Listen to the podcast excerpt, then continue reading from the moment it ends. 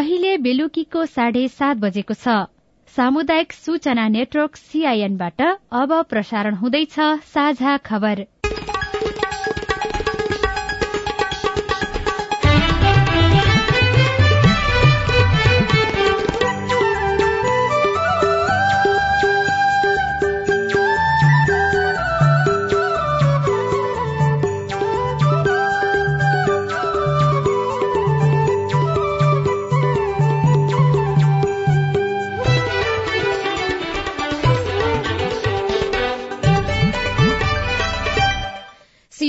साझा खबरबाट सोभिता रिसालको नमस्कार। साझा खबर देशभरिका सामुदायिक रेडियो सीआईएन खबर डट कम र मोबाइल एप सीआईएनमा पनि सुन्न सकिन्छ।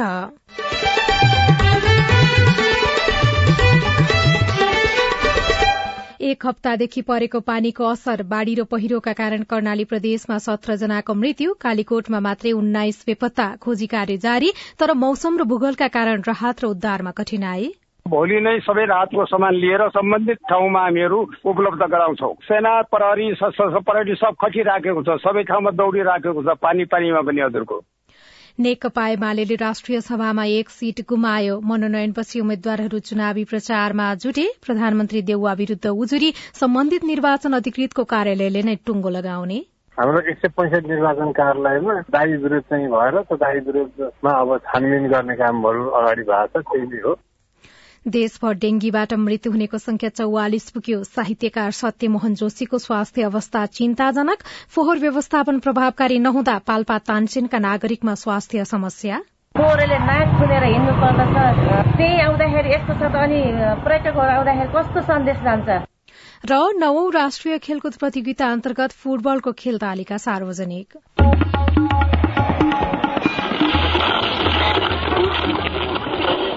सयौं रेडियो। हजारौं रेडियो कर्मी र करोड़ौं नेपालीको माझमा यो हो सामुदायिक सूचना नेटवर्क सीआईएन निरन्तरको झरी र पहिरोका कारण कर्णाली प्रदेश सबैभन्दा बढ़ी प्रभावित भएको छ। पहिरोका कारण आफन्त गुमाएका र घरबार विहीन भएका नागरिकको पुनर्स्थापनाको लागि सरकारले द्रुत मार्गमा कदम चाल्नुपर्ने देखिन्छ। तत्काल उनीहरूको उद्धार गरी खाना र छानाको व्यवस्था गर्न स्थानीय र प्रदेश सरकारले केन्द्रसँग समन्वय गर्नुपर्छ भने केन्द्रले पनि तीव्र तदारूकता देखाउनुपर्छ। अब खबर एक साता यता निरन्तर परेको वर्षापछि खसेको पहिरोका कारण सुदूरपश्चिम र कड़ारी प्रदेशमा अठार जना भन्दा बढ़ी मानिसको मृत्यु भएको छ। खास गरी मुगु कालीकोट र हुम्ला जिल्लामा मात्रै पहिरोमा परि सत्र जनाको मृत्यु भएको छ भने बीस जना भन्दा बढ़ी मानिस बेपत्ता भएका छन्। मुगुको छायानाथ रारा नगरपालिका वड़ा नम्बर एघार स्थित सालिम गाउँमा गैराती गएको पहिरोमा परि आठ जनाको मृत्यु भएको छ भने एकजना अझै बेपत्ता छन्। सालिम गाउँका एकसठी वर्षका हजिरा भगरी तीस वर्षका होइजाली भग्री सोह्र वर्षका सुस्मिता भग्री बयालिस वर्षका वीर बहादुर ऐडी चौविस वर्षका सत्ता सावत बत्तीस वर्षका कृष्ण सावत सोह्र वर्षका चक्रवीर बोहरा र तेह्र वर्षका गौकला बोहराको मृत्यु भएको छ। पहिरोमा परि बेपत्ता भएका एकजनाको खोजी कार्य अझै जारी रहेको मोगुका प्रहरी प्रमुख सुभाष हमालले सीआईएनलाई जानकारी दिनुभयो। छैन प्रारा नगरपालिका वार्ड नम्बर आठमा चाहिँ हामीले लगभग पचास परिवारलाई चाहिँ त्यो ठाउँबाट स्थानान्तरण गरेर आफन्तको घरमा नजिकको सुरक्षित ठाउँमा लगेर राखेको अवस्था छ। र बाटो पनि यहाँ अलिकति समस्या उता झिङ्गादेखि नै यता जोड्ने बाटो पनि यो पहिरोले गर्दाखेरि नजोडिएको हिसाबले पनि रातको सामग्रीहरू त्यसै गरी यहाँ आउनुपर्ने जानुपर्ने कुनै पनि यातायातको पनि सुविधा अहिले चाहिँ वञ्चित रहेको अवस्था छ। र अहिले चाहिँ पानी रोकिएको हिसाबले पनि थप अब अन्य घटना दुर्घटनाहरू हुँदैन भन्ने मलाई लाग्छ र हामी चाहिँ अहिले पनि जिल्ला प्रशासन कार्यालय र सम्पूर्ण सुरक्षा निकाय विशेष गरी स्थानीय पालिकाको अध्यक्षज्यूहरू सम्भव भएसम्म बसेर आवश्यक समन्वय गरिरहेको छौँ। यसै गरी पहिरोमा परि कालीकोटमा चारजनाको मृत्यु भएको छ भने उन्नाइसजना बेपत्ता भएका छन्। सान्नी त्रिवेणी गाउँपालिका आठका चौध वर्षका केवल केसी तिला गुफा नगरपालिका सातका पन्ध्र वर्षका भरत विष्ट तेह्र वर्षका किर्पेट विष्ट र पचाल झरना गाउँपालिका सातका पैंतालिस वर्षका पुरीलाल बोहराको मृत्यु भएको हो। तिला नदीको किनारमा सब जलाइरहेका बेला घाटमाथिबाट खसेको पहिरोमा परि तिला गुफा नगरपालिका चारका वडा अध्यक्ष छप्पन्न वर्षका परबहादुर शाही सहित तेह्रजना मलामी बिरामी तिलागुफा नगरपालिकाकै अन्य पाँचजना र खाडाचक्र नगरपालिकाको सेरावाड़ा स्थित प्रहरी कार्यालयका एकजना जवान पनि पहिरोमा बेपत्ता भएका छन्। उनीहरूको खोजी कार्य भइरहेको प्रहरीले जनाएको रेडियो संखेली कालीकोटबाट हस्त चौलागाईले जानकारी दिनुभयो। कालीकोट जिल्लाका विभिन्न स्थानमा चाहिँ बाढ़ी पहिरोका कारण थुप्रै क्षति भएको छन्। यसभित्र पनि मानवीय क्षति चाहिँ धेरै भएको छ। तिलागुफा नगरपालिकाको राँचोलीमा मलामी गएकाहरू मध्येबाट चाहिँ थुप्रैजना चाहिँ बेपत्ता हुनुहुन्छ। वडा अध्यक्ष परबहादुर शाही छत्रजङ शाही विद्यालय व्यवस्थापन समिति अध्यक्ष यसै गरी खगेन्द्र शाही धनबहादुर शाही कालीबहादुर शाही भेषबहादुर शाही धनबहादुर शाही अलीबहादुर शाही खेमराज शाही मानबहादुर शाही मोतीलाल शाही नरेश शाही प्रशान्त शाही उहाँहरू चाहिँ बेपत्ता हुनुहुन्छ। अहिलेसम्म चाहिँ खोजी कार्य जारी रहेको छ भने कालीकोट जिल्लाको चाहिँ बाली भन्ने ठाउँमा चाहिँ उहाँहरू पाँचजना र उतापट्टि एउटा चाहिँ भैँसी गौडा भन्ने ठाउँमा एकजना हुनुहुन्छ। उहाँहरू चाहिँ छजना मध्येबाट चाहिँ दुईजनाको चाहिँ सब फेला परेको छ भने अन्य बाँकीको चाहिँ उद्धार कार्य भइरहेको छ। यति बेला नेपाली सेनाको हेलिकप्टरले सदरमुकाम मान्नुबाट राहतका सामग्रीहरू सहित उद्धार कार्यका लागि चाहिँ खटिएको छ। हुम्लामा पनि वर्षापछि खसेको पहिरोमा पुरिएर एकै परिवारका चार सय पाँचजनाको मृत्यु भएको छ। चंखेली गाउँपालिका वटा नम्बर छ मासीधारा देनबाडाका देउच्या विश्वकर्माको घरमाथि पहिरो खस्दा पैसठी वर्षका श्रीमती होइजाली विश्वकर्मा नौ वर्षका छोरी तुलसी विश्वकर्मा सात वर्षका छोरी सुस्मिता विश्वकर्मा र पाँच वर्षका वसन्त विश्वकर्माको मृत्यु भएको प्रमुख जिल्लाधिकारी सीता परियारले सीआईएनसँग बताउनुभयो। घरभित्रै रहेका देउचा विश्वकर्मा सहित तीनजना गम्भीर घाइते भएका छन्। माथिबाट खसेको ढुङ्गाले लागेर ताजकोट गाउँपालिका पाँचका खेमराज ढकालको पनि मृत्यु भएको छ। वर्षाका कारण होमलाको जनजीवन प्रभावित भएको छ।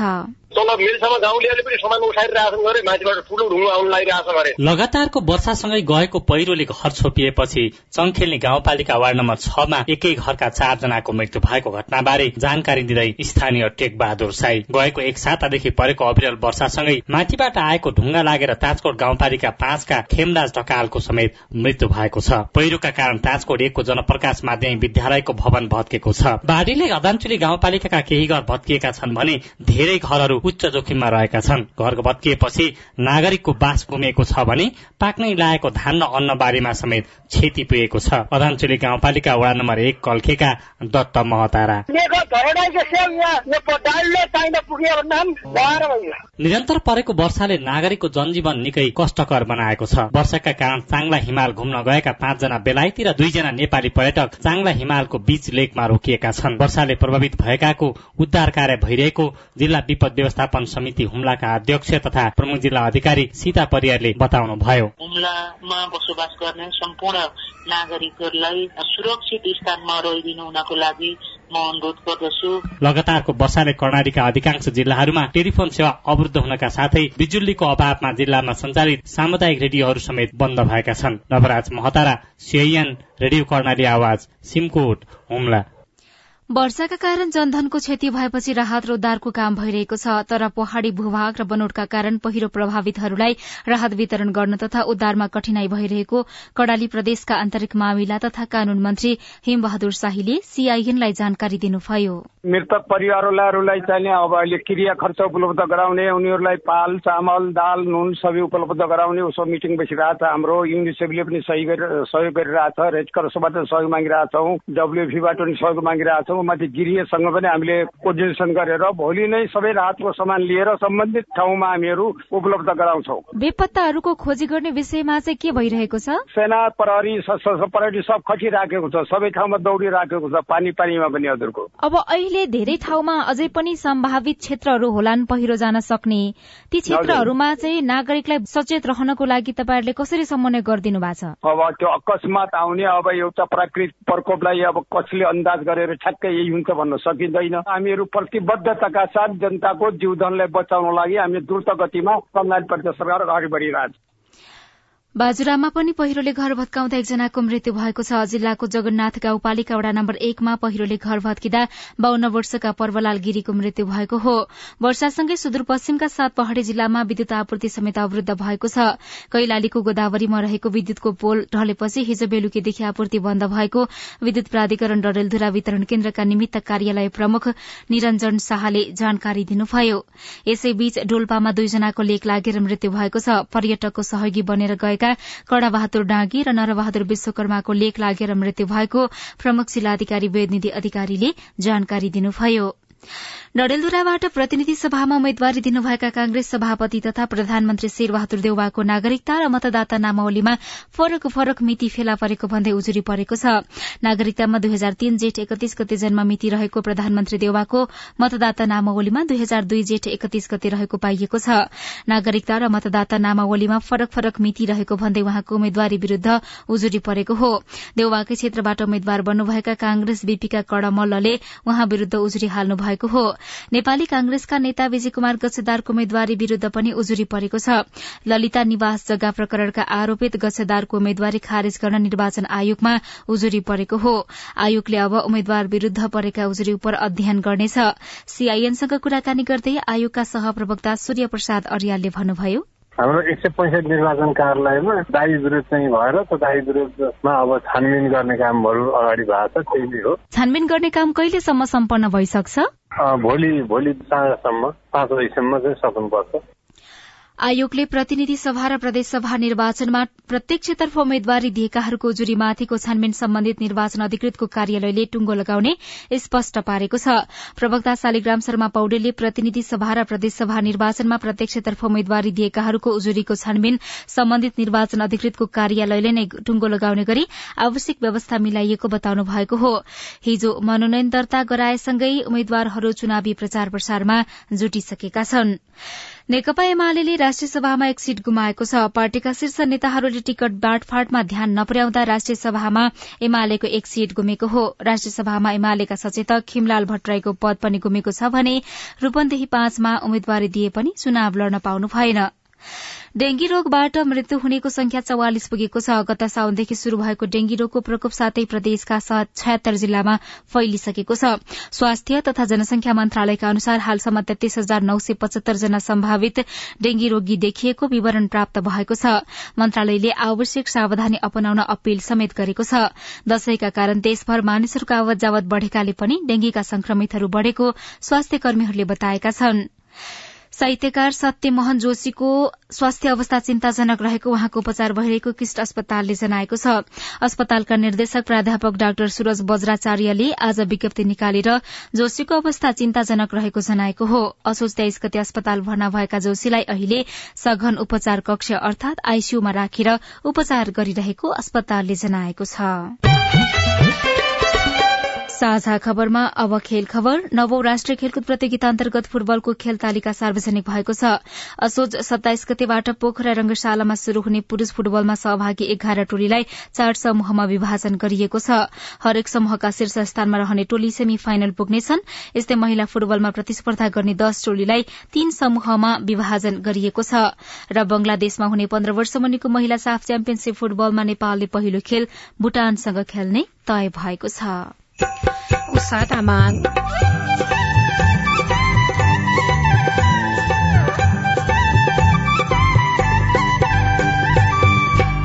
करोड़ौं खर्च गरेर बनाइएको फोहोर व्यवस्थापन केन्द्र सञ्चालनमा आएन।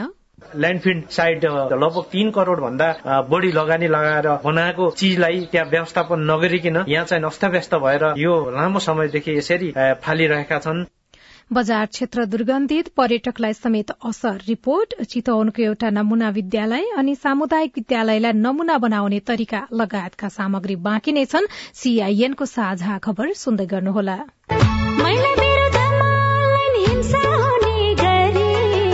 सामाजिक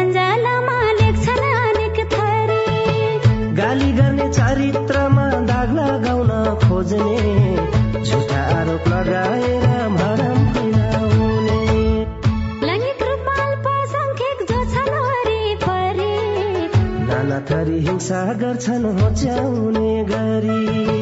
नजिस्काउनु शरीर र यौनिकतालाई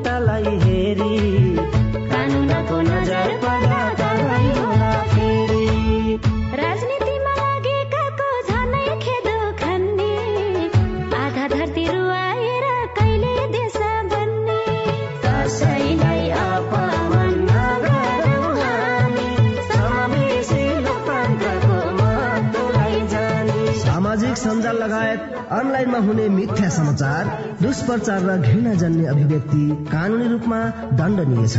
अनलाइन हिंसा नगरौं र नसहौं।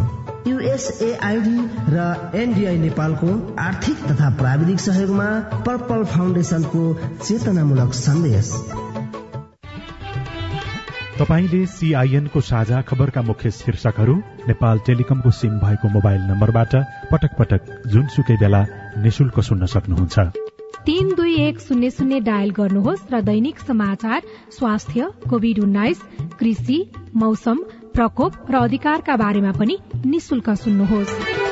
तीन दुई एक शून्य शून्य सूचनाको संचार सामाजिक रूपान्तरणका लागि यो हो सामुदायिक सूचना नेटवर्क सीआईएन तपाई सामुदायिक सूचना नेटवर्क सीआईएनले तयार पारेको साझा खबर सुन्दै हुनुहुन्छ। उम्मेद्वारहरूले सामाजिक सञ्जालमा गरिएको विज्ञापन पनि निर्वाचन खर्चमा समावेश हुने भएको छ। एक सय पैंसठी प्रतिनिधि सभा सदस्य र तीन सय तीस प्रदेश सभा सदस्यका लागि हिजो देशभर उम्मेद्वारी दर्ता भएको थियो। उम्मेद्वारी दिएका मध्ये कतिपयले सामाजिक सञ्जालमा आफ्नो प्रचार प्रसार र विज्ञापन गर्न थालिसकेका छन्। निर्वाचन आयोगले आज विज्ञप्ति जारी गर्दै राजनैतिक दल र उम्मेद्वारले सामाजिक सञ्जालमा विज्ञापन गर्दा हुने खर्च पनि निर्वाचन खर्चमा नै समावेश हुने प्रष्ट पारेको छ। आगामी निर्वाचनमा हुने प्रतिनिधि सभा र प्रदेशसभा निर्वाचनका लागि जम्मा छ हजार दुई जनाले उम्मेद्वारी दिएको निर्वाचन आयोगले जनाएको छ। आज साँझसम्म निर्वाचन आयोगले अध्यावधि गरेको विवरण अनुसार दुवैतर्फ पुरूषको तुलनामा महिलाको उम्मेद्वारी न्यून रहेको छ। दुवैतर्फमा जम्मा पाँच हजार चार सय उनासाठी जना पुरूषको उम्मेद्वारी परेको छ। यस्तै प्रतिनिधि र प्रदेशसभा दुवैतर्फ जम्मा पाँच सय बत्तीसजना महिलाको मात्रै उम्मेद्वारी परेको छ। लैंगिक अल्पसंख्यक समुदायबाट एकजनाको मात्रै उम्मेद्वारी परेको छ। उक्त समुदायबाट सर्लाहीको निर्वाचन क्षेत्र नम्बर दुईमा एकजनाको मात्रै उम्मेद्वारी दर्ता भएको हो। निर्वाचन आयोगका अनुसार प्रतिनिधि सभातर्फ जम्मा दुई हजार पाँच सय छब्बीस जनाको उम्मेद्वारी परेको छ जसमध्ये दुई हजार दुई सय एकानब्बे जना पुरूष र दुई सय पैंतिस जना महिलाले मनोनयन दर्ता गराएका छनृ। दुई हजार उनासत्तरी सालमा तानसेन नगरपालिकाले तीन करोड़ लगानीमा निर्माण गरेको फोहोर व्यवस्थापन केन्द्र ल्याण्डफिल्ड साइट प्रयोग विहीन बनेको छ। फोहोर व्यवस्थापन स्थल सञ्चालनमा नआउँदा बजार क्षेत्रको फोहोर अव्यवस्थित बनेको छ जसका कारण नागरिकको स्वास्थ्यमा त असर परिरहेको छ नै पर्यटन व्यवसाय समेत प्रभावित बनेको छ। अन्तर्राष्ट्रिय मान्यता तथा सेनेटरी ल्याण्ड फिल्ड साइटको अवधारणा विपरीत तानसेन नगरपालिकाले फोहोर फालेको भन्दै फोहोर व्यवस्थापन केन्द्र वरपरका नागरिकले गरेको अवरोधका कारण फोहोर व्यवस्थापन स्थल सञ्चालनमा आउन नसकेको हो। जसका कारण दस वर्ष अघि नै करोड़ौं खर्च गरेर बनाइएको संरचना उपयोग विहीन भइरहेको छ भने बजार क्षेत्र फोहोर बन्दै गएको छ। बजारको फोहोर व्यवस्थापन नहुँदा स्वास्थ्यमा समेत असर परिरहेको छ। स्थानीय दल बहादुर राजकोटी ल्यान्डफिल्ड साइड लगभग तीन करोड़ भन्दा बढी लगानी लगाएर बनाएको चिजलाई त्यहाँ व्यवस्थापन नगरिकन यहाँ चाहिँ अस्तव्यस्त भएर यो लामो समयदेखि यसरी फालिरहेका छन्। यहाँको यो दुर्गन्धित यो हाम्रो ओडावासीलाई मात्रै नभएर यो बाटा हिँड्नेदेखि लिएर हरेक समुदायलाई निकै असर परिरहेको छ। अहिले तानसेन नगरपालिकाबाट दैनिक तीन टन फोहोर उत्पादन हुने गरेको छ। यो फोहोर व्यवस्थापन केन्द्र दुई हजार उनसत्तरी असोजमा एक वर्ष सञ्चालनमा आएको थियो। तर वरपरका स्थानीयहरूको अवरोधले सञ्चालन हुन सकेको छैन। सड़क छेउमै तथा बस्तीको नजिक फोहोर फाल्दा स्वास्थ्य र पाल्पाको पर्यटन क्षेत्रमा समेत असर परेको बताउनुहुन्छ तानसेन पाँचका स्थानीय लक्ष्मी राहल। तानसेन नगरी सुन्दर भन्छौ जुन गेटमा मुखमै आउँदाखेरि पर्यटकको आउँदाखेरि फोहोरले नाक सुनेर हिँड्नु पर्दछ। त्यही आउँदाखेरि यस्तो छ त अनि पर्यटकहरू आउँदाखेरि कस्तो सन्देश जान्छ? नगरपालिकाले फोहोर व्यवस्थापन केन्द्र बनाउँदा कमजोरी भएको स्वीकारेको छ तर अर्को बनाउन सकेको छैन। अहिले फोहोर व्यवस्थापनको अस्थायी उपाय अपनाइएको र विकल्पको खोजी पनि भइरहेको तानसेन नगर प्रमुख सन्तोष लाल श्रेष्ठको भनाइरहेको छ। त्यो वैकल्पिक ठाउँ होइन त्यो बन्देवीको हो होइन? उपाय नभएर त्यहाँ फालेको परिस्थिति हो। त्यस क्षेत्रमा बासिन्दाहरूले दुर्गन्ध भयो त्यसमा ट्रिटमेन्टको कार्यहरू भएन र त्यसमा हामी फाल्न दिनु भन्ने कुराहरू आइरहेको परिस्थितिमा हाम्रो यो अहिले नयाँ बस पार्कको पश्चिमतिर दस रोपन जग्गा हामी छुट्याइएको छ। त्यो क्षेत्रमा ग्यास प्लान्ट बनाउने भन्ने कुराहरू आएछ। ल्याण्ड फिल्ड साइट सञ्चालन नहुँदा एकातिर सरकारको लगानी खेर गइरहेको छ भने अर्कोतिर फोहोर व्यवस्थापन केन्द्र आसपासका नागरिकले स्वास्थ्य समस्या झेल्नु परेको छ। अर्कोतिर फोहोर व्यवस्था व्यवस्थापन नहुँदा पर्यटनमा समेत असर परिरहेको छ। Bhuwan Raymajhi CIN radio Muktinath Palpa. साझा खबरमा अब हेलो सीआईएन नमस्कार मेरो नाम बलराम पाण्डे। म पान्छे नगरपालिका वडा नम्बर चौध अर्गलीबाट बोल्दैछु।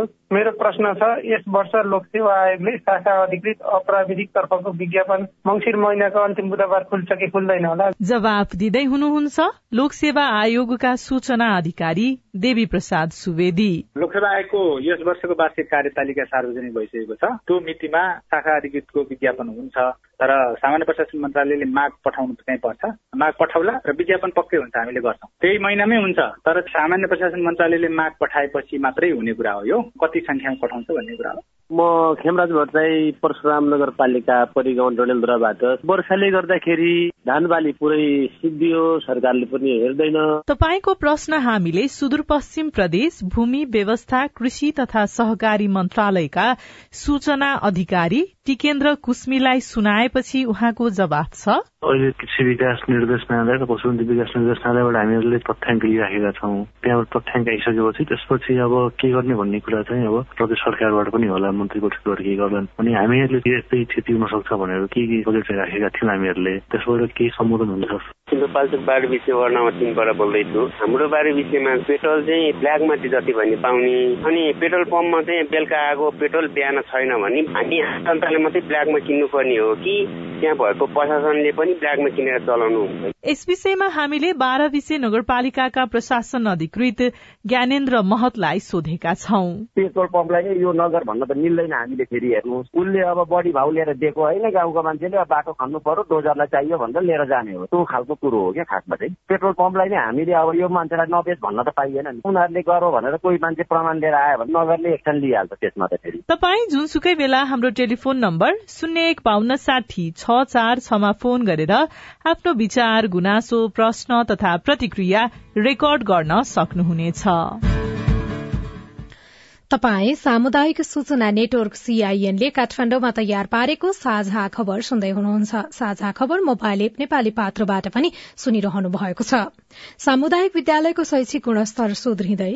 अभिभावकहरू हुनुहुन्छ। उहाँहरूसँग हामीले एउटा वातावरण सिर्जना गरौँ भनेर एउटा अन्तर्क्रिया कार्यक्रम गर्ने बित्तिकै ल एक विद्यार्थी एक अभिभावक कोसेली। भर्ना गर्ने क्रममा आउँदाखेरि कोसेली लिएर आउने। बागमती प्रदेशको एउटा नमूना विद्यालय रिपोर्ट सामुदायिक विद्यालयलाई नमूना बनाउने तरिका लगायतका सामग्री बाँकी नै छ। सीआईएनको साझा खबर सुन्दै गर्नुहोला। बालबालिकालाई लगाउँदै गरेको खोपमा चाहिँ बालबालिकाहरू कहाँ गएर लगाउनु पर्ने र खोप लगाउन जाँदा के के लिएर जानु पर्ने त्यसबारे बताइदिनुहोस् न। मेरो जिज्ञासा के छ भनेपछि हामी विद्यार्थीहरू एकदमै जोखिममा छौँ तर पनि हामीहरूले समयमा खोप उपलब्ध हुन सकेको छैन।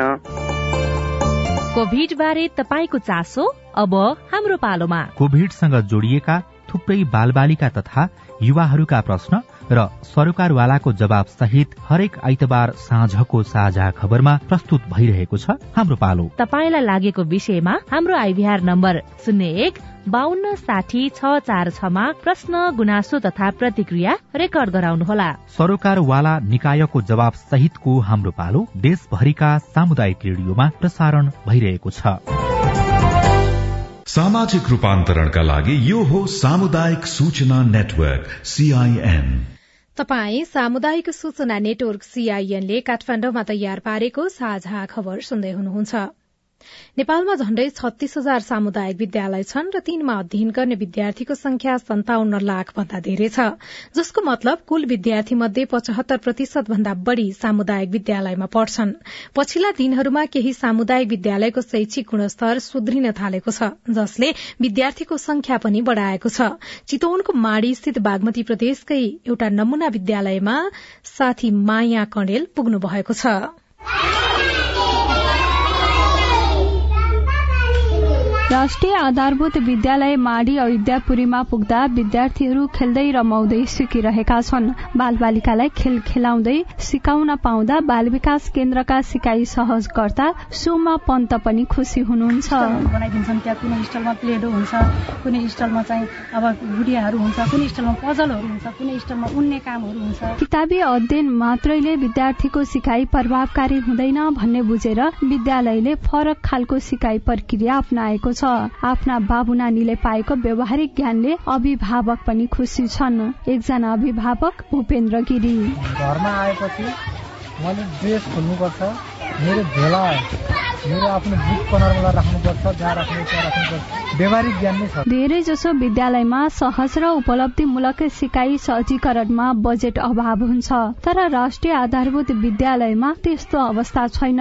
विद्यालयका पूर्व प्रधानाध्यापक कृष्ण अधिकारी। सयौं समुदायहरू हुनुहुन्छ अभिभावकहरू हुनुहुन्छ उहाँहरूसँग हामीले एउटा वातावरण सिर्जना गरौँ भनेर एउटा अन्तर्क्रिया कार्यक्रम गर्ने बित्तिकै ल एक विद्यार्थी एक अभिभावक कोसेली भर्ना गर्ने क्रममा आउँदाखेरि कोसेली लिएर आउने? आफ्नो जे छ आफ्नो घरमा जे उहाँहरूको संस्कृति झल्किनेछ त्यही लिएर आउनुहोस् भनेपछि उत्साहजनक ढङ्गबाट उहाँहरूले लिएर आउनु भएर अहिले त्यहाँ देख्न सक्नुहुन्छ बाल विकास केन्द्रमा सबै क्लासहरूमा उहाँहरूका सामग्रीहरू हामीले झुन्ड्याएर हाम्रो आवश्यकता अनुसार सिकाइ गर्ने अवसर शिक्षकहरूले पाउनु भएको छ। माडी नगरपालिकाले आर्थिक वर्ष दुई हजार उनासी अस्सीका लागि एक अर्ब पन्ध्र करोड़ बढ़ी बजेट विनियोजन गरेकोमा शिक्षामा छ करोड़ बढ़ी छुट्याएको छ।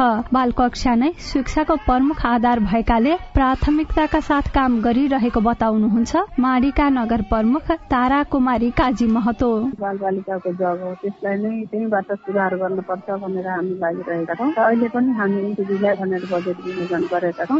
र पहिलो प्राथमिकता हामी इन्टिभीलाई नै दिएका छौँ। विद्यालयमा धेरै पुस्तक बोकेर जानुपर्छ गृह कार्य दिएर नै पढ्न मात्र प्रेरित गर्नुपर्छ भन्ने अवधारणा फेरिँदै गएको छ। रचनात्मक सिकाइ प्रक्रियाका कारण पढ़ाइको गुणस्तर पनि बढ़दै गएको अभिभावकहरू बताउँछन्। Maya Kadel CIN Bijay FM Nawalpur.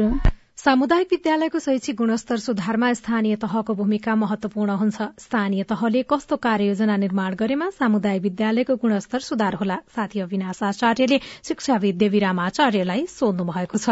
अब सात सय त्रिपन्नलाई एकै ठाउँ राखेर हेर्ने हो भने केही सकारात्मक कामहरू भएका छन्। कतिपय पालिकाहरूले विद्यालयहरूलाई मर्ज गर्ने कामहरू पनि गरे।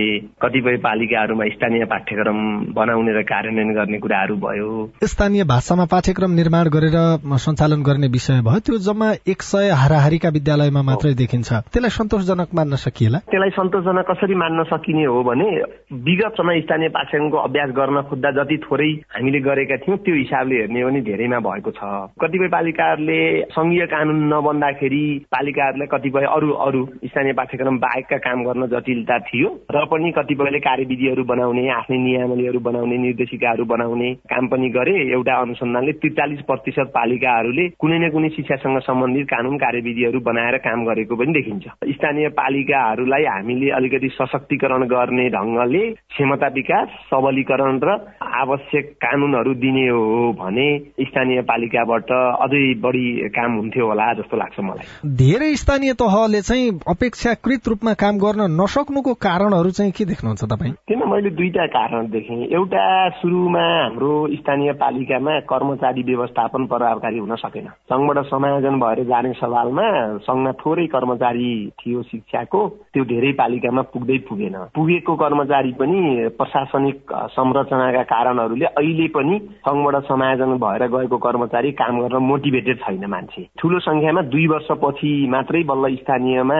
नयाँ एकदमै नयाँ फ्रेस लोकसेवा आयोगबाट साथीहरू जानुभयो। उहाँहरूलाई पनि क्षमता विकास हुन सकेन। त्यसपछि शिक्षाको बुझाइमा अर्को के समस्या आइदियो भने अब पालिकामा भर्खर नयाँ पहिलो सुरुवात भएको विद्यालयहरू पहिलेदेखि शिक्षकहरू एक खालको पहिलेदेखि एउटा सिस्टममा चलिरहेकोले त्यो परिवर्तन भएको चिजलाई एडप्ट गरिहाल्न हिजो जिल्ला शिक्षा कार्यालयबाट सबै काम भइरहेकोमा अहिले पालिकाबाट काम हुँदाखेरि हामी सबैलाई समायोजित हुन चाहिँ गाह्रो भएको जस्तो लाग्छ मलाई। कतिपय ठाउँमा चाहिँ शिक्षा समन्वय इकाइ पनि अस्तित्वमा रहिरहँदाखेरि केही हदसम्मका अधिकारहरू त्यो बाँडफाँड पनि भएका कारणले पनि हामीलाई समस्या भयो भन्ने किसिमका कुराहरू सुनिन्छन्।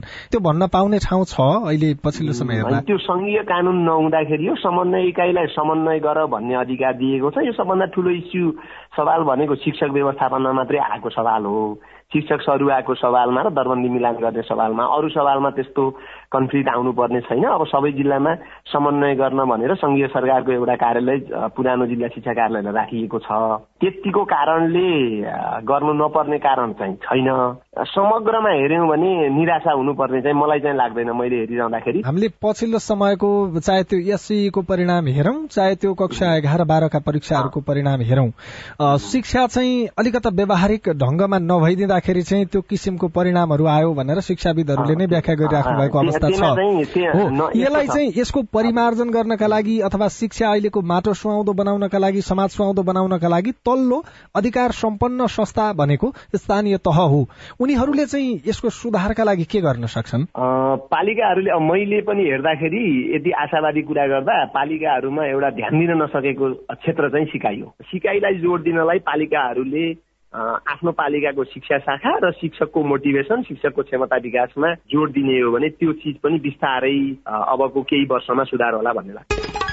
बाढ़ी र पहिरोका कारण कर्णाली प्रदेशमा सत्र जनाको मृत्यु भएको छ। कालीकोटमा मात्रै उन्नाइस जना बेपत्ता भएका छन्। बेपत्ताहरूको खोजी कार्य जारी छ तर मौसम र भूगोलका कारण राहत र उद्धारमा कठिनाई भइरहेको छ। नेकपा एमाले राष्ट्रिय सभामा एक सीट गुमाएको छ। मनोनयनपछि उम्मेद्वारहरू चुनावी प्रचारमा जुटेका छन्। प्रधानमन्त्री देउवा विरूद्ध उजुरी परेको छ। सम्बन्धित निर्वाचन अधिकृतको कार्यालयले नै टुङ्गो लगाउने भएको छ र देशभर डेंगीबाट मृत्यु हुनेको संख्या चौवालिस पुगेको छ। हवस् आजलाई साझा खबरको समय सकियो। प्राविधिक साथी सुरेन्द्र सिंहलाई धन्यवाद। भोलि असोज पच्चीस गते बिहान छ बजेको साझा खबरमा फेरि भेटौँला। अहिलेलाई सोभिता रिसाल पनि विदा हुन्छु। नमस्कार शुभरात्री।